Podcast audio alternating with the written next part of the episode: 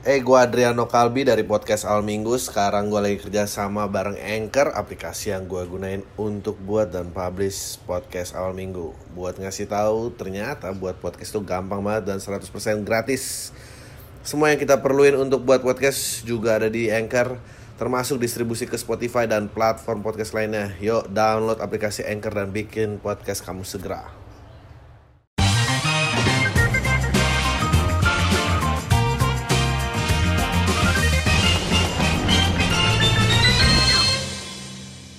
Eh lo semua lagi denger podcast Al Minggu bareng gue Adriano Kalbi.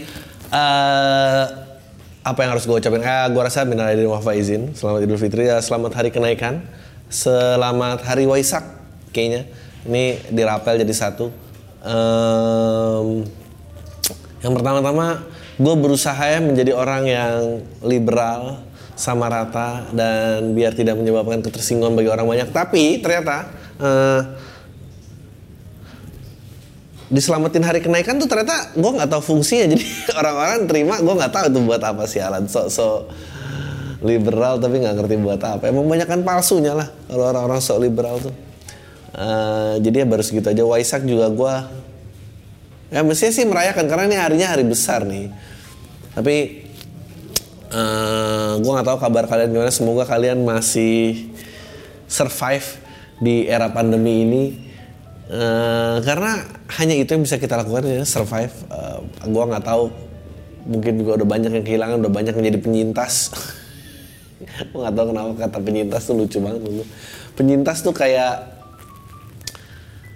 eh, ngelanggar lampu merah gitu. Itu lalu lintas bang. Eh, terus em, ya jadi semoga lo baik-baik aja. Masih lanjut gue juga cuma bisa bersyukur doang. Kantor ini masih berdiri. Em, oh bagi yang belum lihat gue di TEDx silahkan dicari. Eh, itu nggak tahu ya semoga bermanfaat.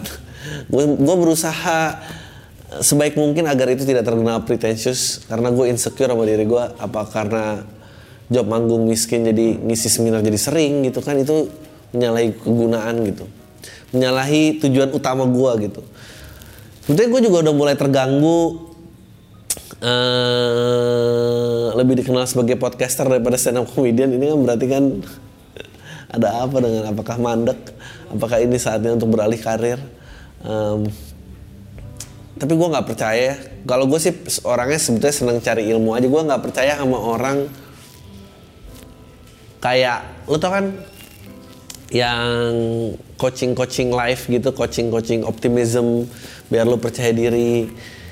Eh, terus pekerjaan full time media adalah sebagai coaching percaya diri. Ah cuy lu kepercayaan diri lo aja nggak ada gunanya buat lo cuma buat ditular-tularin ke orang lain lu nggak tahu bayar cicilan mobil pakai apa cicilan.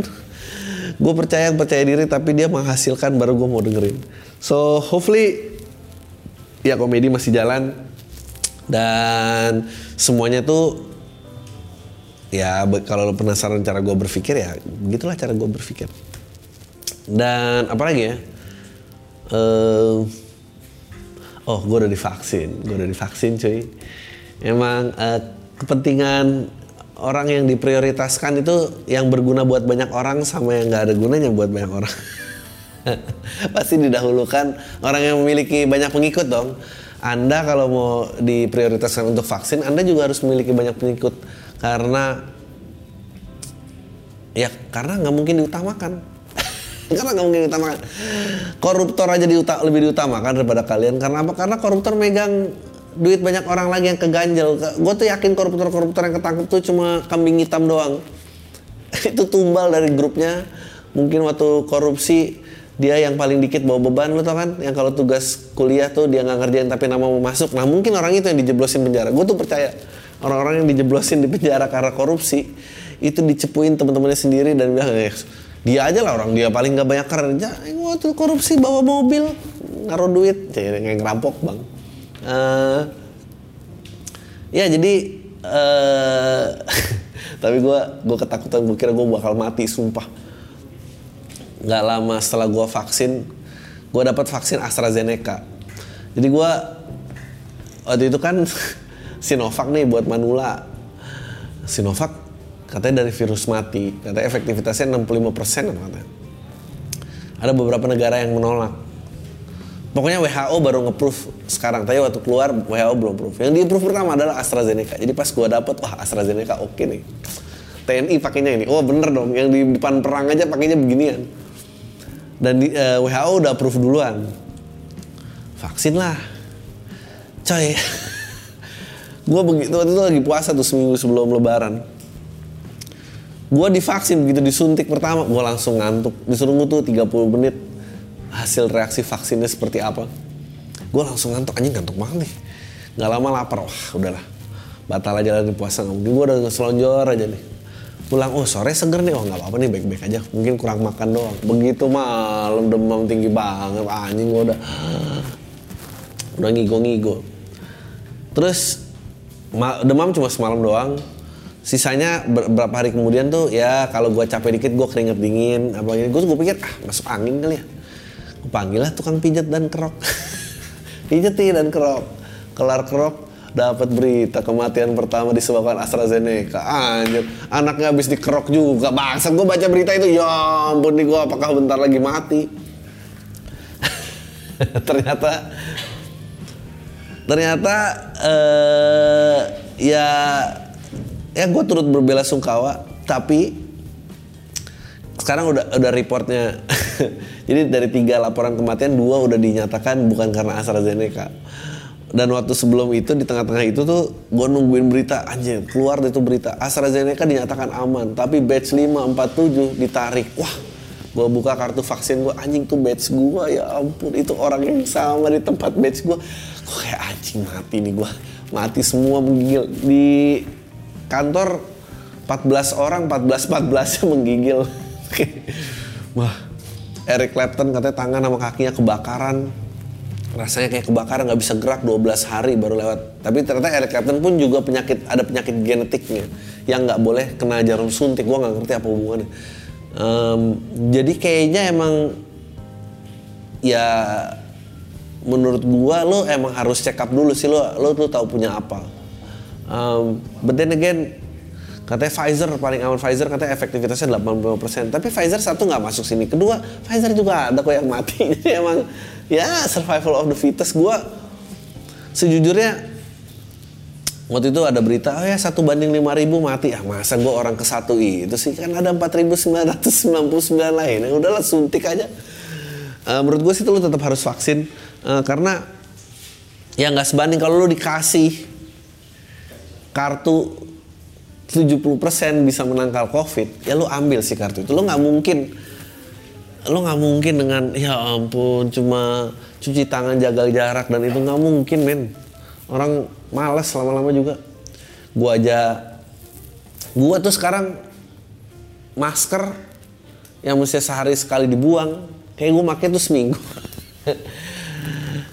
Biar agak kotor-kotor dikit jadi dia udah melatih imunitas badan ya. Jadi nggak terlalu steril-steril banget. Jadi semoga dinyatakan kuat lah. Gue nggak tahu apa itu yang menyebabkan badan gue menggigil. Uh, tapi udah dinyatakan aman batch 547 udah dijadiin lagi. Um, tapi memang di saat pandemi kayak gini tuh menurut gue ini emang emang darurat banget sih. Menurut gue emang kalau lo sampelnya satu di antara 5000 pasti masih akan dilanjutkan. Nggak mungkin. Satu lima ribu ya mungkin lima belas ribu kemarin tiga laporan. Dua udah nyatakan bukan berarti cuma satu. Satu belum ketahuan reportnya. Um, tapi kalau ada satu tetap harus dilanjutin. Dan menurut gue lo ambil aja. Ambil aja lo juga nggak divaksin nggak ada gunanya hidup maksudnya. Itu cuma transfer transfer virus orang doang. Um, karena gue udah mulai anxious kayak gue satu lingkungan yang covid udah banyak. Terus gue kayak kapan gue gilirannya gue pengen ikutan juga kan FOMO juga gue lama-lama. Udah tua ngomong FOMO. Uh, eh, gue rasa kayak gue jadi anxious sendiri gitu. Gue nggak tahu harus menjaga apa lagi. Jadi either gue dapet vaksin duluan atau nggak gue jadi penyintas duluan nih. Uh, dan kalau lu udah penyintas kan kayak ya lo nggak gitu diutamakan vaksin. Itu vaksin alami um, ya katanya reaksinya lebih hebat karena emang virusnya virus hidup dari monyet yang dimodified makanya di di kita gede banget. Tapi you know menurut gua nggak ada sih. Menurut gue gue gue nggak percaya sama konspirasi-konspirasi yang kayak wah katanya akan membinasakan generasi ke depan apa dan segala macam Eh, menurut gue yang mau dibinasain yang yang anggap ini sih covid itu tidak ada anjing. Ada dong bangsat. Men serem men. Covid itu gue udah udah terlalu banyak yang kehilangan. Tapi masih aja ada orang-orang yang ngotot. Teori-teori konspirasi Eh, pada saat lebaran tante-tante yang datang tidak pakai masker percaya. Tapi, tapi yang gue heran tuh ya orang yang nggak percaya tuh nggak kena kena heran gue apa emang gitu kali ya? Mind over matter gitu. Kayak kalau sugesti lu kuat covid itu tidak ada. Kayaknya emang nggak ada anjing tapi tahu dari mana coy? Lu gue sih percaya banget covid itu nyata guys. Anjing masih ada nggak sih berita gini covid itu nyata guys. Udah setahun lebih udah kita mulai dari Maret ini udah hampir satu setengah tahun. Em, ya gua makanya gue berharap lu baik-baik aja. Eh, janganlah percaya konspirasi-konspirasi. Kalau bisa divaksin ya divaksin Em, eh, kalau lo bukan orang yang diundang vaksin ya tingkatlah tingkatkanlah taraf kepentingan hidup lu kalau lo nggak orang penting emang Aduh, tapi men itu deg-degan batch 4547 gua buka kartu vaksin gua gua 547 gua kayak gua sekarang tiap pusing-pusing dikit parno gua. Apa darahnya nyumbat?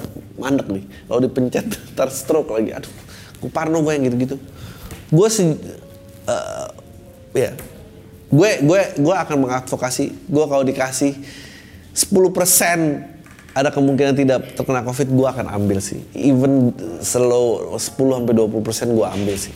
Karena nggak mungkin men damage-nya nggak mungkin. Rumah ada orang-orang tua ada ini ah nggak nggak bisa udah ambil aja. Gue nggak tahu apa resiko yang tinggi banget sampai eh sampai gue tuh akhirnya takut. Iya ampun mati lampu.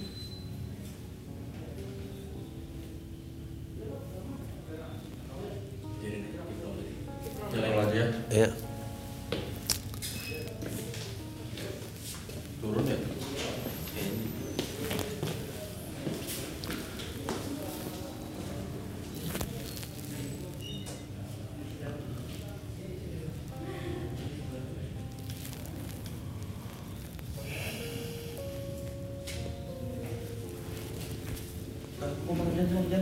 Jangan jangan tutup ntar ketutup itunya dusnya nggak bisa dibuka lagi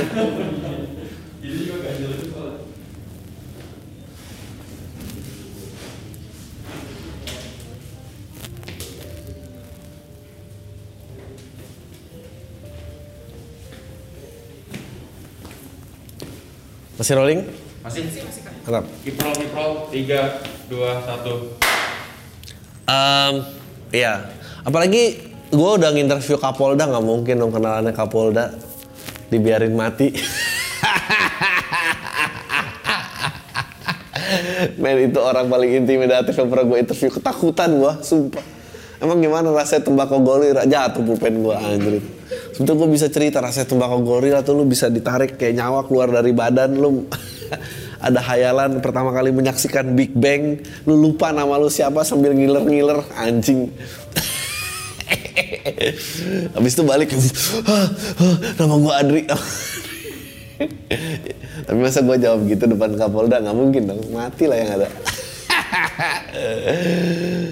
Men itu ngeri banget gua kayak gitu.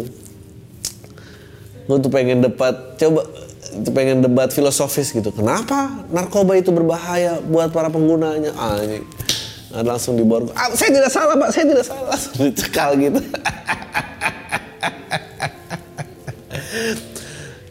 gue punya person, gue punya eh, personal stance sosial politik tentang penggunaan narkoba. Tapi gue nggak bisa ngomongin karena itu seperti mengakui kesalahan ya. Kayak delik itu kan ada delik aduan, masa ada delik pengakuan Pak? Saya emang pemakai narkoba di borgol anjir.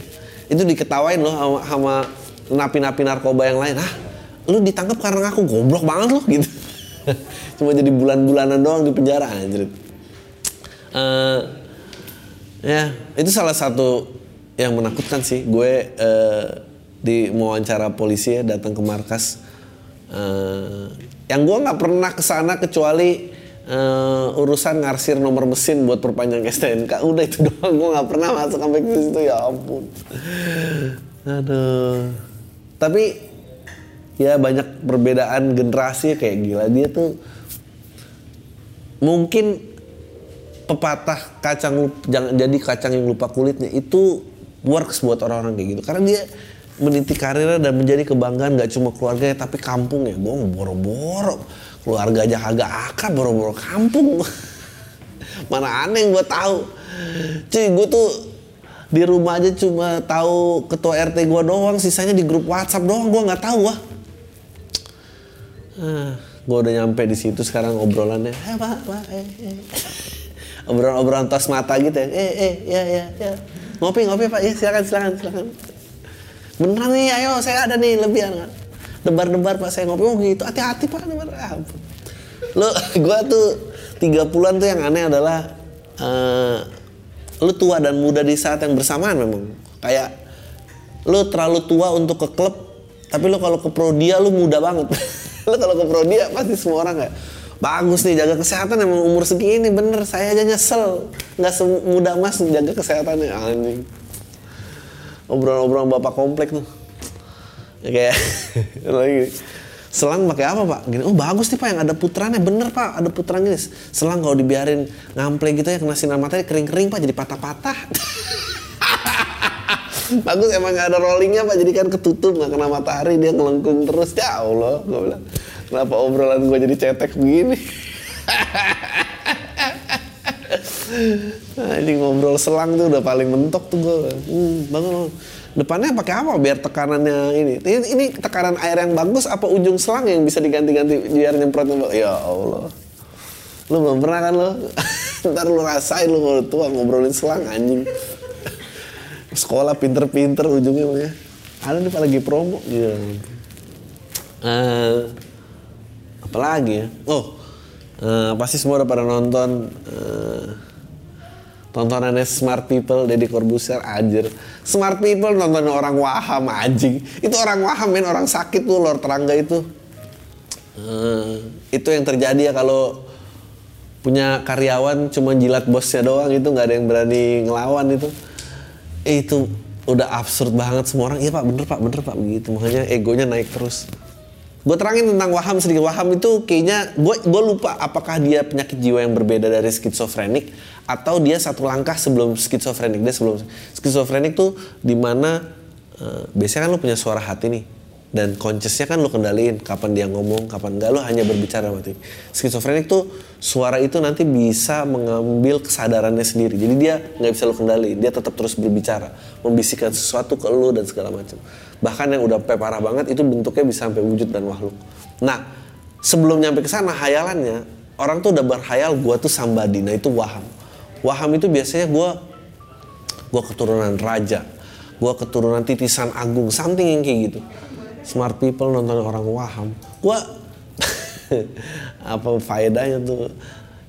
Menurut gua gua ngebes gini karena yang disajin bukan konten komedi kecuali dia mau bikin konten komedi aja boleh. Sah ngundang orang waham. Kalau konten smart people nonton orang waham sih. Dulu juga ada tuh eh Tony Blank tuh di YouTube tuh. Itu juga orang waham tuh. Dia turunan merasa turunan Jerman lah di hafal sejarah bola. Namanya Tony. Emang Tony kepanjangannya siapa? Iya karena bapak dulu di Jerman. Nama saya Tony Kumbayar bangsat baygon anjing. Kenapa jadi kalau nonton orang gila gitu men. Lu aduh ya ampun janganlah itu tonton orang-orang waham itu kerajaan gue tuh sering banget. Gue tuh sering banget eh, nonton-nonton yang orang kayak gitu. Dulu ada juga dia berniat dia merasa ada ras tertentu yang ingin mengambil alih negara ini. Dia itu dibisikkan menjadi utusan di mana untuk menggagalkan rencana ini.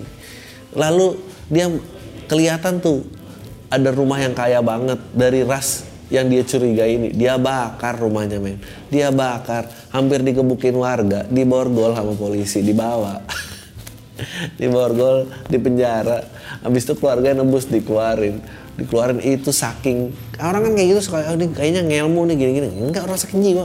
Borgol tuh di keluar men dari borgol dipatahin sama dia patahin terus pagi-pagi jogging. Ada tukang koran jualan korannya pak korannya gitu.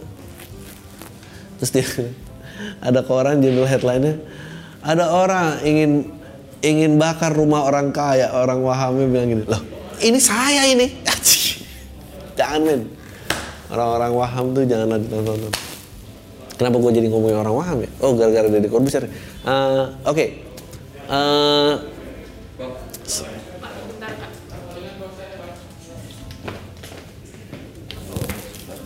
takut mati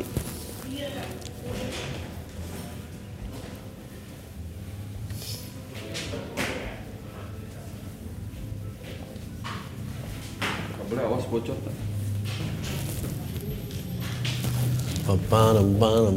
Banam.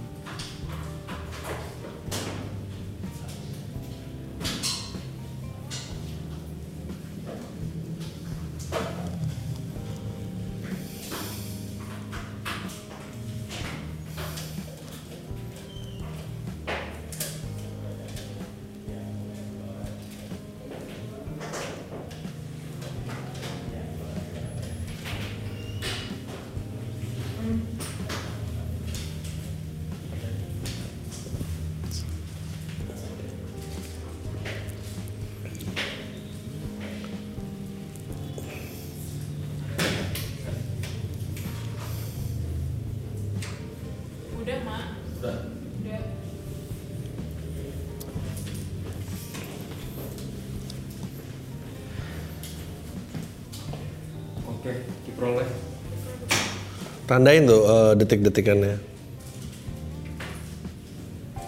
Tiga, dua, satu. Oke, balik lagi ke masalah vaksin. Gua nggak tahu kalau tentang lo.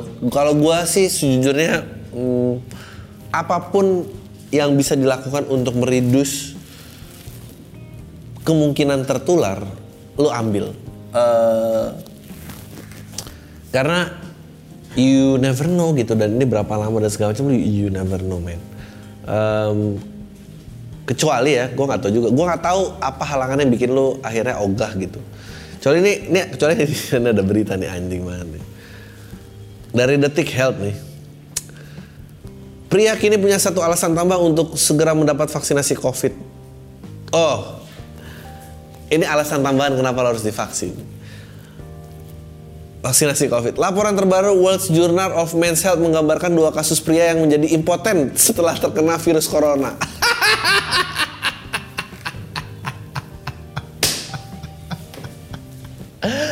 Anjing itu kalau sesama penyintas tuh kasih ya. Lu rasanya apa? Nggak ada. Gue paling sekarang nggak bisa nyium aja. Masa sih? Kok nggak bisa ngaceng? Hah? Masa begitu? Cek tuh.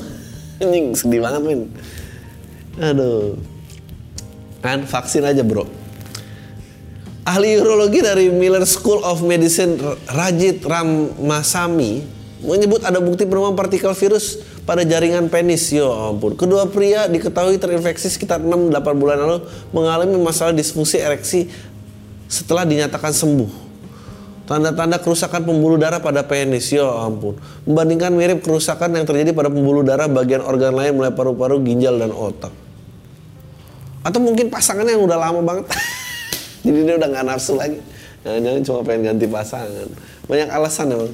Itu yang waktu pesawat jatuh aja ternyata ada orang ngaku sama istrinya keluar kota padahal dia check in anjing. Bro, Covid real bro. Ini apaan katanya nggak bisa ini sampai nggak bisa berdiri lagi ya cuma nggak bisa nyium aroma sih mending lah aroma mah apa sih anjir dari sekian banyak.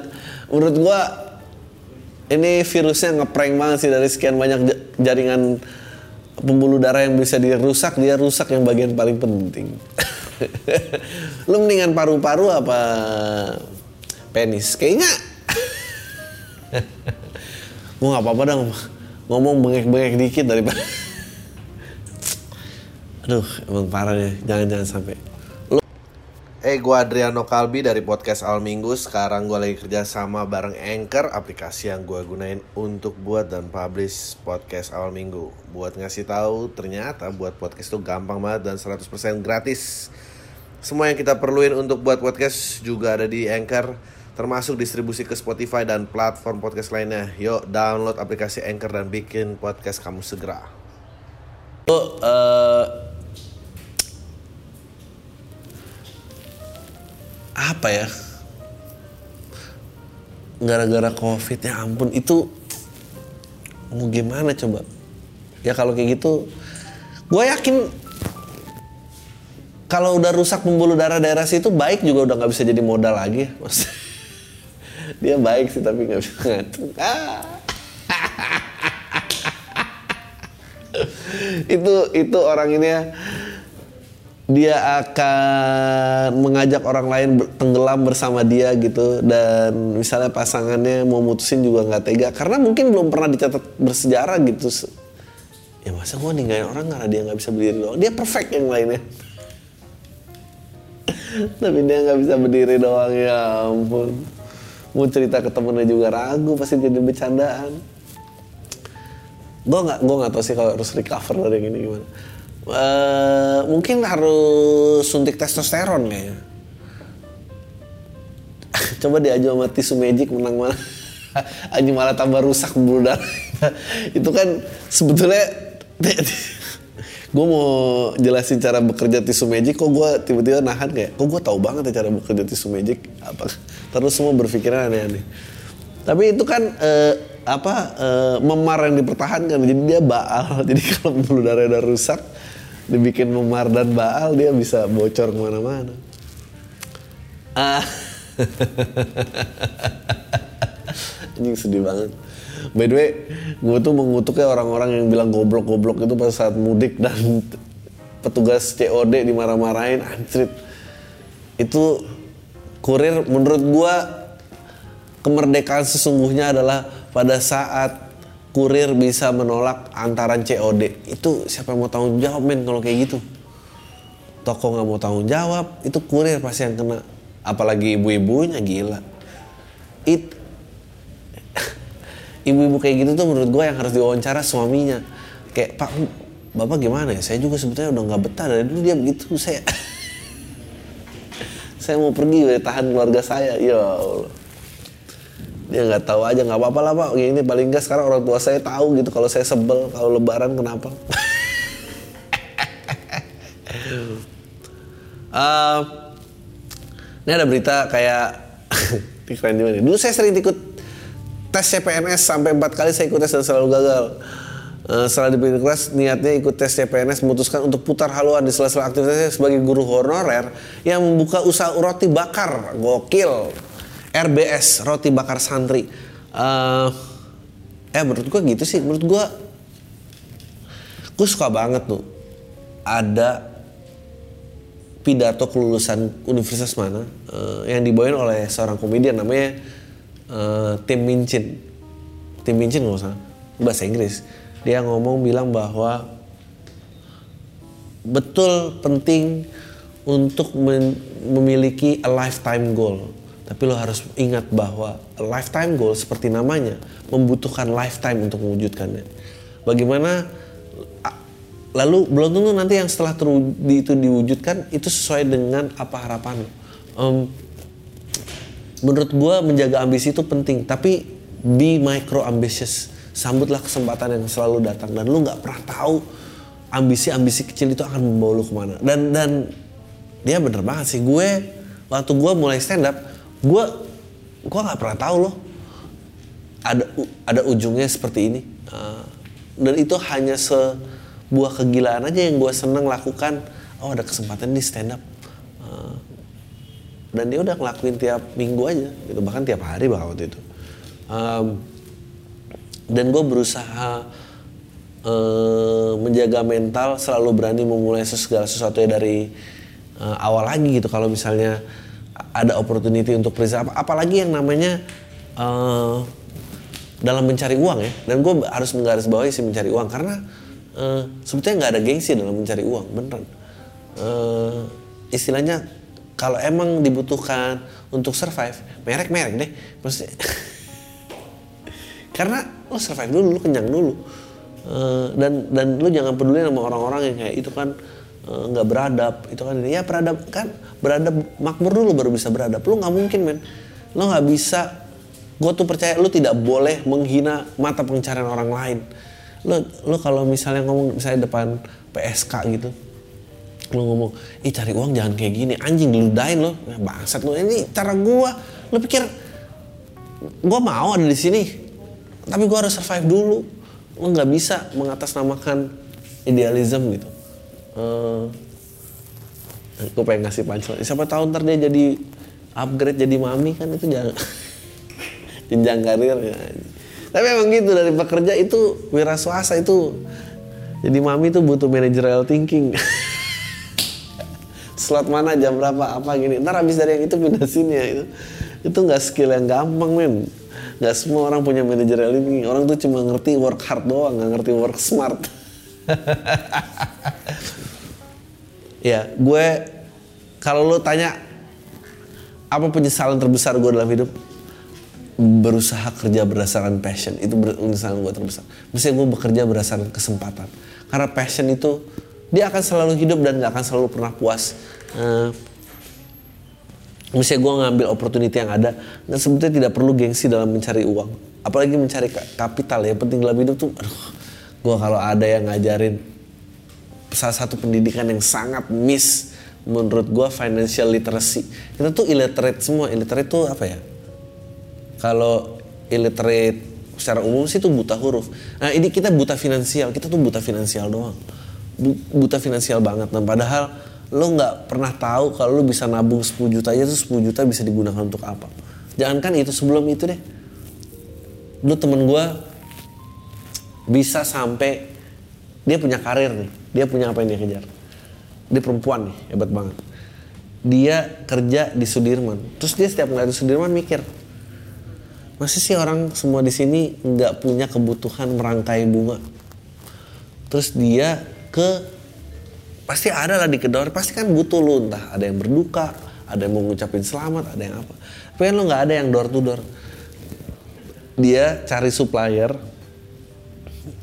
di toko bunga nanyain kalau ngerangkai ini berapa paketnya ngerangkai ini paketnya berapa berapa dia list down dibikin jadi kayak buklet menu yang bagus. Dia hire deh sales. Lu ntar bagi hasil kalau lu ngegolin dapat berapa persen.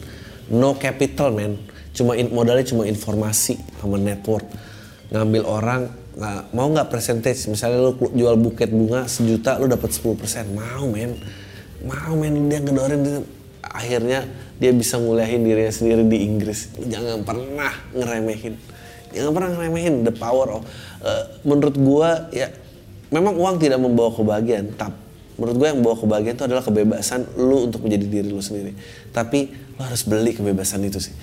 Dan gua eh, salah banget gitu seolah-olah kalau bisa kerja berdasarkan passion nanti hasil akan memenuhi hasrat gua. Enggak men. Enggak sama sekali. Makanya saya belum kaya kaya sekarang tapi lu jangan ngulangin kesalahan gua. Gue belajar waktu itu gue dulu sering banget main elektronik mobil. Dia gue nanya cici cici dia jaga toko. Ci lo lo hebat banget sih bikin punya toko elektronik mobil gini. Eh, anak-anak lo pada sekolah luar negeri. Wah saya mah dulu punya bos baik banget. Eh, saya punya bos baik banget. Dia ngerasa eh, modal itu paling penting. Dia bosnya pernah marah sama keluarganya gara-gara dia punya penghasilan lebih. Keluarganya beli daging men. Beli daging terus dia marah sama istri. Dia bilang enggak kita tuh belum saatnya eh, makan daging. Karena modal itu penting. Dia istilahnya sampai kangkung-kangkung ya maaf ya gitu. Kangkung yang udah kotor pasti di disemprot-semprot jatuh di jalan disemprot-semprot bisa dimakan lagi makan aja. Karena nabungnya buat modal men lo nggak pernah tahu capital itu akan ngebebasin diri lo kayak apa. Em, ya gua rasa hal-hal kayak gitu ya. Dan tapi gua nggak tahu kalau sekarang covid ya makan orang lu makan gitu ntar lu dut lagi. Emang semua kegiatan bisnis jadi berhenti nih gara-gara covid. Kalau sekarang sih udah survive aja dulu. Um, ya I, I, I guess gue mau nge-share itu Uh, kalau lu bilang ya follow your heart follow your gut feeling. You know what? Gut feeling tuh kebanyakan salah tau nggak? Lu cuma nggak mau ngaku aja lu cuma mau glorifikasi pada saat gut feeling lu bener.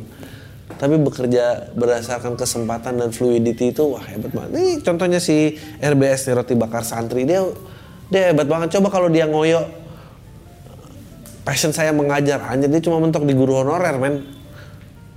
Eh, ya udah itu aja. Eh, let's get into the emails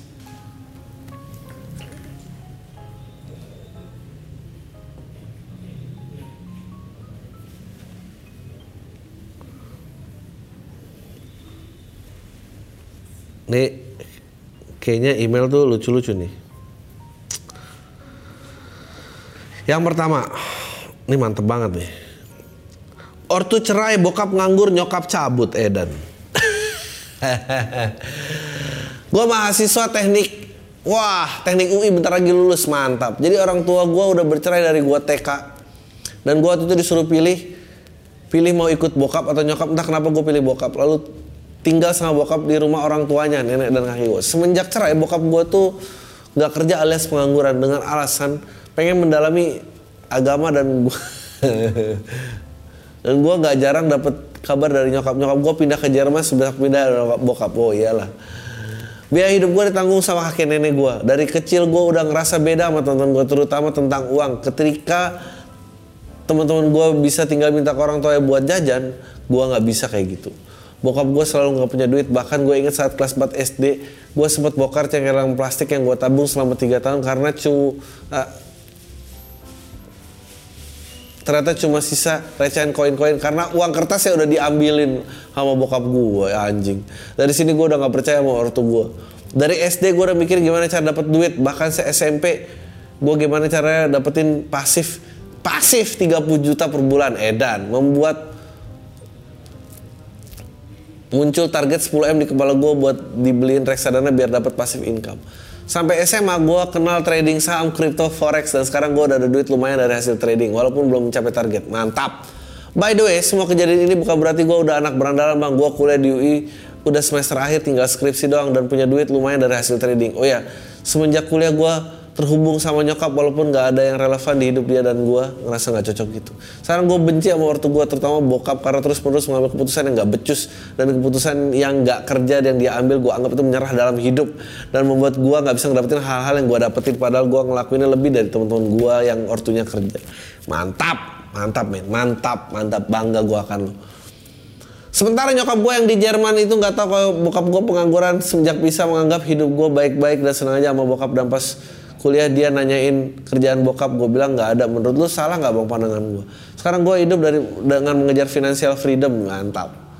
Kayaknya agak salah juga ini yang gue nggak punya kehargaan gue juga kepengen keluar dari rumah tinggal sendiri bang. Kalau lu jadi gue kira-kira lu bakal ngapain? Men lu melakukan sebuah hal yang menurut gua gua pun nggak bisa lakukan. Dan lu udah bener banget. Eh, menurut gua ya bokap lu menurut gua salah. Dan gua rasa itu juga alasannya kenapa nyokap lu ninggalin dia gitu. Eh, eh, ya karena pengangguran gitu ngawinin pengangguran gimana sih gitu. Eh, dan menurut gua eh, ya udah lu amanin aja aset lu jangan sampai itu diambil sama bokap lu. Nanti ntar kalau dendam lu udah meredah ya tolongin lah gitu. Gua rasa lu ntar akan nyampe di momen di mana lu akan nolongin orang tua lu sendiri dan nggak apa-apa dan nggak apa-apa let go aja. Nggak eh, Anthony Hopkins bilang hidup tuh terlalu pendek untuk menyesal. Dan itu bener banget sih. Menyesal dan dendam tuh emang nggak ada waktunya men. Nggak ada waktunya. Eh, the gift of life tuh it's the life itself. So live. Jangan cuma survive live. Eh, lu bagus punya modal lu syukur-syukur. Lu lu coba ngobrol aja nyokap lu Eh, orang dewasa ke orang dewasa. Bisa bisa jadi lu lu akan tahu feeling gua nyokap lu ninggalin bokap lu karena dia pengangguran dia dia beban mati aja. Eh, kalau kata Jordan Peterson ini bagus banget nih karena gue anak TikTok sekarang anjing. Eh, Jordan Peterson cari di TikTok dia bagus banget. Ini ada filosofi eh, lifeguard penjaga pantai. Lifeguard tuh filosofinya adalah I get to save you. Tapi gue bisa gua gue bisa nyelamatin lo. Tapi kalau pilihannya antara kita berdua tenggelam sama lo tenggelam, gue akan pilih lo tenggelam. Gak bisa men. Lo nggak bisa nyelamatin orang sambil dia nyekek lo bawa turun. Lo harus lepasin. Dan terkadang lo lepasin dia juga dia hidup sendiri gitu. Eh, ya udah lo hidup sendiri aja menurut gue. Merdekalah dan wujudkanlah masa depan yang nggak seperti yang lo alamin. Eh, menurut gue lo udah bener banget. Ngejar financial lo punya gelar UI ah masa depan sih cerah banget buat buat lo menurut gue nah tapi lo jangan kepleset sama ani-ani. Ntar lo udah capek-capek ngumpulin modal diprotein ani-ani. Biasanya lemahnya laki kalau udah sukses tuh gitu sama perempuan yang kayak ya aku nggak ngerti bang emang kita ya ampun. Lu digituin sih abis men jangan ntar lu kalau kayak gitu terjerah lagi. Ntar lu baru paham tuh kayak oh pantes ya mak gue ninggalin bapak gue karena juga lu rasanya pengen ninggalin pasangan lu. Lu nggak bisa men. Lu lu udah bener you're good man congratulations ya. Lu harus harus harus eh, bangga sama diri lo dia si Jordan Peterson sampai bilang itu wis kalau we both drown and you drown har- you drown katanya gue harus tinggalin lo itu wisdom katanya itu bukan lack of empathy. Mantap itu. Halo bang Adri. Gue punya pertanyaan kenapa banci Ba- judulnya banci berisik. Kenapa banci-banci selalu berisik dan ngomong jorok kalau lagi nongkrong? Sebetulnya karena nggak sekolah sih. Banyak kok yang banci tapi terpelajar tuh ada juga. Tapi yang biasanya biasanya jadi kayak gitu karena dibuang dari orang tuanya. Dia harus survive di jalanan bla bla bla. Gue nggak tahu nih gue doang ngerasa kebetulan gue barista di salah satu coffee shop di kota Rendang. Wah. Kota Rendang tuh mana sih? Padang ya? Di mana pekerjaan gue selain bikin kopi harus punya pelayanan yang bagus buat customer. Kayak ngajak ngobrol atau selalu ngomong cuma smiling voice sebenarnya gue nggak masalah kalau cuma ngobrol gimana gitu. Tapi belakangan ini bang ada customer gue yang bisa dibilang banci dan rame gitu kalau nongkrong tempat gue bukannya gue seksis atau gimana tapi banci yang nongkrong di coffee shop gue berisik banget. Ngomong jorok mulu bang. Gue takut ntar ganggu customer yang lain karena benar-benar berisik. Menurut gue kalau itu premis loh maksudnya premis bukan premis cerita ya. Premis apa sih? Eh, tempat lo dan dia ngomong jorok dan enggak itu tuh boleh sih lo eh ma- maaf dong jangan jangan ngomong jorok. Enggak gue customer lain. Ah sih mau nggak mau gue terpaksa ke meja tuh buat banyak mohon maaf kak untuk menjaga kenyamanan pengunjung lain. Mungkin bisa kak ngobrol jangan keras-keras banget nggak enak sama customer lain. Dengan smiling voice gue ngomong gitu. Eh si banci kampret malah ngedoain gue ngomong ya udah kita ngobrol pelan-pelan ya. Tetapi bisa nggak kak minta wa nya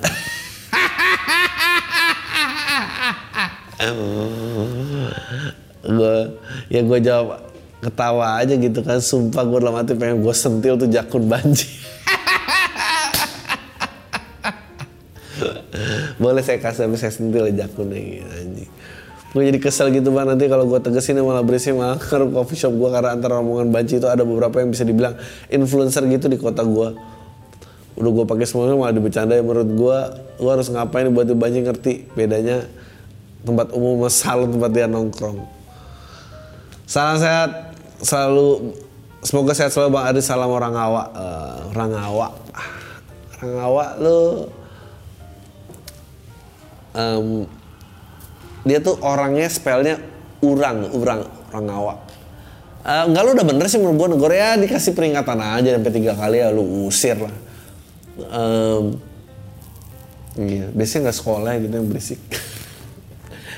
Menurut gua Banci juga ada kok yang introvert yang cuma gitu. Cuma mesem-mesem doang nggak berisik.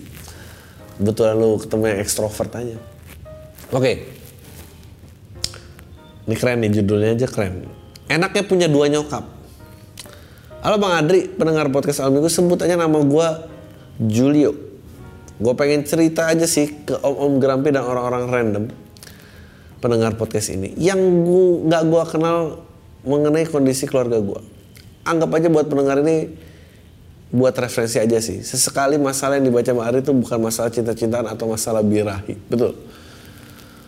Udah sekitar beberapa bulan ini mungkin satu tahun terakhir hubungan antara kedua orang tua gue kurang bagus lah. Bahkan sih sekarang sampai di tahap nggak ngomong samsek. Kalau ditanya masalahnya apa ya klasik sih finansial. Menurut nyokap ya bokap kerja nggak ada duit gitu. Ya emang bokap kerja mati-matian tapi duitnya seadanya. Yang aneh lagi nyokap yang ibu rumah tangga dan baru mulai bantu-bantuin usaha rumah makan punya keluarga dia tahun kemarin tapi bisa ada tabungan di rekening sampai 400 juta dan bisa bayar cicilan mobilnya sendiri. Awalnya kita kira ya dibayar nama keluarga dia ya keluarga dia yang ada bisnis rumah makan setelah dicek secara tanya-tanya nggak obvious ternyata enggak usut punya usut beberapa kolega bokap dan kakak dari bokap pernah ngeliat nyokap pergi sama cowok gitu. Uh, beberapa kali bahkan kakak bokap gue pernah ketemu nyokap berdua sama cowok di Cipanas Puncak pas bokap lagi keluar negeri beberapa tahun lalu.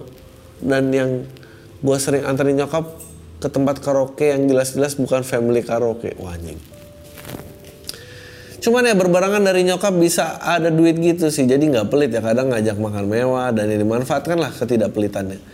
Meski bokap udah tahu banyak eh, meski bokap udah tahu banyak karena banyak yang ngasih tahu dia nggak tahu gimana bokap milih nggak cerai dan nggak mau kayak salah salahin nyokap. Tapi ya hubungannya jadi canggung aja. Beberapa bulan ini bokap baru punya cewek janda anak dua. Nyokap gua nggak tahu bokap ada cewek. Nah sekarang bokap gua lebih banyak nongkrong di tempat ceweknya. Kebetulan gua tinggal di apartemen. Cewek bokap tinggal di tower sebelah. Beda tower doang. Anjing aneh banget bapak lu. Nyari cewek di sebelah tower rusak nih keluarga. Bentar lagi bapak lo pasti ngaku covid pengen isolasi mandiri nih.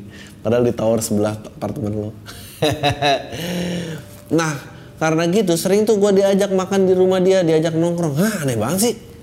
Masa bapak lo Lo umur berapa sih sama bapak lo kebuka gini?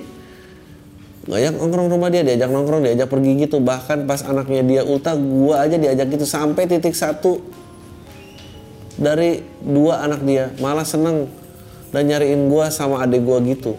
Lalu kisaran dua bulan lalu gua ada training keluar kota. Karena nyokap dan bokap udah berantem ya kondisinya tau lah dua-duanya ingin mendapat perhatian anaknya dengan ngasih duit ya kesempatan dan kesempitan. Hah? kita tahu lah dua-duanya ingin mendapatkan perhatian dari anak dengan ngasih duit. Oke yang ngasih nyokap sama bokap dan ceweknya malah sering juga cewek bokap ngasih duit jajan ke gua padahal gua udah kerja sih. Tapi yang namanya uang apalah gengsi. Gengsi nggak bisa kita kasih makan. Nggak bisa kasih kita makan atau minum kopi ya gua ambil. Bahkan ya hampir tiap hari kerja gua dibawain bekal sama cewek bokap. Dan cewek bokap udah pernah ke tempat kerja gua untuk informasi gua kerja sebagai store manager di suatu toko komponen elektronik di Glodok. Ya udah udah tua masih dianggap kayak anak-anak nggak apa-apa. Nggak gengsi saya irit uang jadinya. Makan gratis gitu. Duit bisa buat investasi atau beli digital download LPLK dan TDP bagus bagus bagus. Dan ya kadang sering cewek bokap kayak ngobrol deep talk gitu sama gue nyokap itu jarang sih. Tapi kalau ada apa-apa nyokap bela nyokap gue belain gue dan lain-lain sih. Jadi ya kalau jadi ya gue harus akuin. Kayaknya gue ada dua nyokap. Anjing lucu banget nih kayaknya kalau mau makan bisa ke rumah sebenarnya cewek atau ceweknya bokap. Ya cewek bokap sering ngajak pergi juga ke tempat-tempat asik. Sebut aja Holy Wing, Shakau, Sate Cina, Bir Sisa, cafe elitis di PIK dan sejenisnya. Bahkan gua adik gua bokap gua udah pernah ketemu sama keluarga cewek nyokap cewek bokap. Dan cewek bokap udah pernah ketemu berapa keluarga bokap termasuk kakak bokap yang pernah lihat nyokap gua sama cewek itu. Anjing aneh banget. Jadi ya enak ada dua nyokap sekarang. Kayaknya hal-hal dasar pasti terpenuhi apalagi uang jajan meskipun udah kerja. Tapi ya gue merasa aneh aja sih. Normal nggak kalau manfaatkan pribadi untuk untuk untuk itu sih tauku. Pendapat bitter truth dari bang Adri. Oh ya kalau misalnya ada diksi dan rangkaian kata yang membingungkan saya mau nggak aku bagus. Kemampuan literasi saya masih kurang kita tahu lah. Di sekolah lebih banyak yang nilai bahasa Inggrisnya lebih tinggi daripada saya. Enggak enggak. Sekian dan terima kasih. Menurut gua eh, penilaian eh, ini lo sangat baik ini email yang jauh lebih jelas dibanding eh, orang-orang lain ya. Eh, menurut gua lu nggak salah. Menurut gua eh, itu sih hal yang terbaik dalam setiap situasi. Yang manfaatin aja. Eh, semua orang cuma pengen nggak tenggelam aja. Jadi lu manfaatin aja nggak masalah. Tapi yang gua rasa aneh tuh bapak lu sih sama ibu lu. Kalau ibu lu udah jalan sama orang lain bapak lu itu kenapa nggak bubar aja? Itu anak-anak dibikin kayak gitu. Aduh men janganlah gue nggak tahu sih tapi menurut gue normal-normal aja oke putus gara-gara ciuman gak enak Oh, oke halo mas ini email kedua saya salah kemarin email pertama saya di, yang judulnya nangis saat di BJ-in dibaca sama Mas Adri. Oke, maaf Mas kalau panjang ngetiknya. Soalnya hati-hati ngetiknya karena Mas Adri pernah jadi copywriter. Jadi gini Mas, ini cerita yang dialami adik aku. Aku sudah izin buat tulis di PAM dan dia nggak boleh aja asalkan namanya nggak disebut. Jadi Mas, ini cerita adik aku yang sama cowoknya. Oke, adik lo berarti perempuan. Yang mana si A ini adalah teman kuliahku. Dia ini terkenal good looking seangkatanku kuliah. Mereka dekat setelah adikku sudah nggak dekat lagi sama cowok yang kemarin nangis pas di BJ. Dia yang nge kemarin tuh adek lo. Kalau kakak nggak terganggu banget sih kayak begini? Lebih tepatnya abis selesai karena cowok ini yang nangis karena langsung dekat sama teman kuliahku ini. Oh, lebih tepatnya karena abis selesai cowok ini nangis karena adek lo dekat sama orang lain anjing. Awalnya gini mas, bingung aja kok bisa mereka kenal dan deket. Gimana sih ceritanya? Setauku, padahal si A tahu adekku cuma lewat foto IG ku. Dan isinya ada aku sama adekku setelah beberapa hari adekku sama si A ini deket. Aku tanya ke A. Kok kalian bisa deket gini gimana ceritanya? Jadi aku ketemu adekmu di Gramedia, dia lagi sibuk cari penggaris. Terus karena aku kayak kenal, coba deh aku sapa, eh ternyata bener dong itu adekmu. Ya udah deh aku bantuin aja cari penggaris, walaupun adekmu agak aneh gitu pas beli penggaris. Aneh gimana? ya aneh dia beli penggaris tapi mulutnya dibuka lebar gitu kayak ikan lohan. Anjing, cuy, Nggak, kenapa? Kan semua ikan yang mangap. Ikan lohan kan yang gede jidatnya. Kenapa harus ikan analogi ikan lohan dong? Semua ikan. Tadi gue bahas analogi. Nah, Dan aku baru sadar dia beli penggaris buat latihan sebelum BJ sama cowoknya yang kemarin nangis itu mas astaga ya Allah.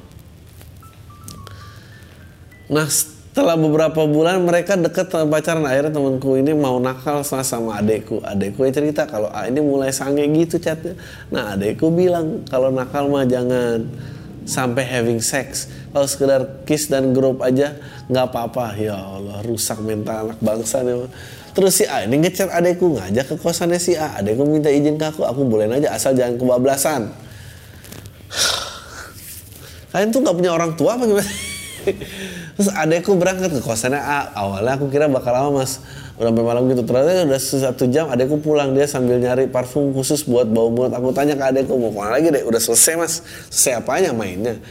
Iya aku udah pulang, udah putus juga sama teman si A itu. Lah kenapa si A macam-macam ya kamu sini cerita? Enggak mas dia enggak macam-macam. Cuma mulutnya dia mau banget. Ya Allah mulutnya dia bau banget astaga mana pas ciuman sama dia rasanya aneh rasanya kayak terasi mas. Sumpah aku nggak kuat. Pas aku mau nyium aku biasanya kita berdua diam sambil tutup mata. Pas aku nyium langsung jreng gitu mas. Ras aku langsung buka mata mas. Nah dianya masih lanjut langsung eh, masih lanjut nyium aja kampret. Terus aku berhentiin aku alasan di nggak alasan aku lupa aku harus bantuin mas benerin wastafel rumah. Terus dia oke oke aja nah pas di tengah jalan dia chat aku. Dia bilang kalau aku oh dia di tengah jalan aku chat dia bilang aku mau udahan aja. Terus nggak bilang ah gimana? Mas A kita udahan aja ya. Aku ngerasa kita baiknya jadi teman aja saling mengingatkan saja sudah cukup. Ya Allah. Oh ya aku mau ingetin sekalian kalau mau kiss sama cewek tolong pasti mulutnya nggak terasa terasi kasihan ceweknya. Eh but adik lu bagus juga ya. Adik lu tuh kayak independent woman setelah itu adekku pulang ya walaupun putusnya kayak gitu tapi mereka masih baik sampai sekarang. Entah kenapa entah beneran atau gara-gara nggak enak sama aku aja kali ya. Segitu aja mas. Mau kasih makasih kalau udah dibacain salam dari Solo eh, buat Mas Adri dan para kolam taida. Anjing aneh banget ya. Adek lu tuh apa hebat banget sih? Adek lu hebat banget sih menurut gua. Eh itu yang harus dilakukan sama orangnya biar dia tidak dimanfaatkan oleh, situasi.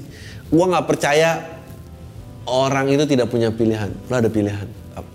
lu selalu ada pilihan yang tersisa. Yaitu diri lo jadi lu selalu pilih diri lo apa yang membuat diri lo tuh survive? Diri lo nggak nggak cuma tenggelam gitu terhadap eh, apa arus dan yang lain-lain gitu. Ya lu bangkit aja.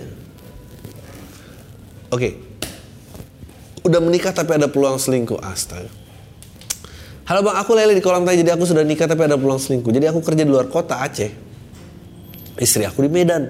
Jadi di Aceh aku tinggal sendiri ngontrak gitu di kantorku. Ada yang suka sama aku cantik sih tapi bukan tipeku. Jadi nggak pernah aku deketin. Kontrakan aku sepi ada peluang having sex di kontrakan sebenarnya. Tapi karena itu di Aceh jadi agak serem.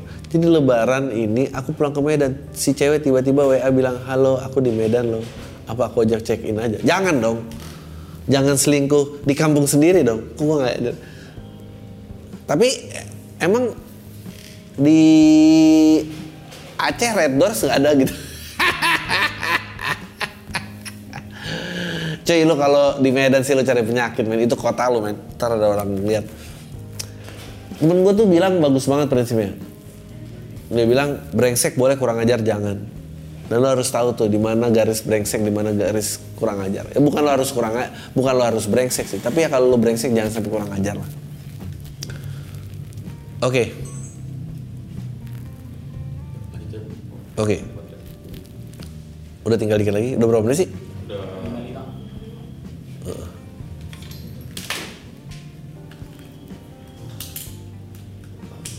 Oke, nih. Pergi atau pertahankan si cuek yang udah ambil keperawanan. Ya. Oke. gua bang, gua perempuan 24 tahun dan bekerja dan udah bekerja selama beberapa bulan di perusahaan. Selama kerja di perusahaan lain selama setahun lebih. Apa ini pentingnya dari cerita ini? Oke, gue mau cerita bang, tapi nggak apa-apa ya, panjang. Jangan bosan, maaf sebelum. Gue punya pacar udah jalan hampir 2 tahun sama Doi. Doi satu tahun lebih muda ketimbang gue, dia 23 tahun. Awalnya gue sahabatan sama dia 4 tahun dari zaman kuliah terus jadi pacar. Dia ngenalin gue ke beberapa hal, salah satunya podcast PAM ini. Gue jadi seneng dengerin PAM gara-gara dia pendengar setia PAM. Ya ampun. Kalau anda merasa cuek dan udah pernah merawanin orang, mungkin ini pacar anda. Eh, gue sayang banget sama dia sampai ke arah posesif. Gue udah ngelakuin banyak hal sama dia, mulai dari masak bareng kos-kosan sampai having sex. Kenapa dong? Spektrumnya dari masak bareng having sex jauh banget. Emang masak bareng tuh pengorbanan komitmen apa? Tapi kayaknya dia nggak percaya kalau gue pertama kali sama dia soalnya waktu pertama gitu sama dia nggak ada darah padahal mah perih banget. Ya kenapa detail gini? Tapi karena sekarang udah jarang having sex, dia mikir masa depan gua dan nggak mau gua hamil. Tapi makin ke sini entah kenapa gue merasa insecure bang. Dia beneran sayang sama gua apa kagak. Waktu gua kena corona di bulan Februari kemarin, gua isoman dia malah chattingan sama teman SMA-nya. Ya ampun, gua marah karena ceweknya karena dia bilang tidur padahal mah chatan sama si temen ceweknya. Padahal gua lagi kena corona. iya nih pacar aku kena corona, aku nggak bisa having sex lagi sedih deh. Oh gitu mas. Em, dia malah ikut marah. Bilang cuma temen doang. Dia bilang ke gue selalu curiga bla bla bla sampai mau putus waktu itu. Tapi nggak jadi setelah rembukan berapa kali. Dengan alasan karena masih sayang. Entah ini gue yang terlalu positif gimana bang. Gue kesel banget waktu itu. Selain itu, selain kita tengkar, setiap kita tengkar, dia jadi super duper sengak dan gue nggak suka sama kata-kata sengaknya dia emang gue akuin terlalu cerewet dan posesif sama dia. Tapi harusnya dia juga nggak perlu sampai sengak gitu dong. Waktu gue nangis karena saking sakitnya gara-gara omongan dia dia nggak meluk gue atau gimana. Gue juga jarang ngasih perhatian. Dia juga jarang ngasih perhatian. Walaupun cuma sekedar tanya kabar gue seharian gimana. Dan setiap tengkar gara-gara dia nggak perhatian ini dia selalu ngomong kalau dia emang orangnya cuek. Dan waktu dan waktu ketemu dia juga buru-buru karena buru-buru pulangnya karena takut diomelin sama ibunya. Dia juga ngomong sama gue tai-taian. Gue fine fine aja nyaman aja kayak waktu sahabatan. Tapi sesekali gue juga pengen dipanggil sayang dan ngejalanin layaknya pacar. Lu udah merawanin doang lu manggil sayang enggak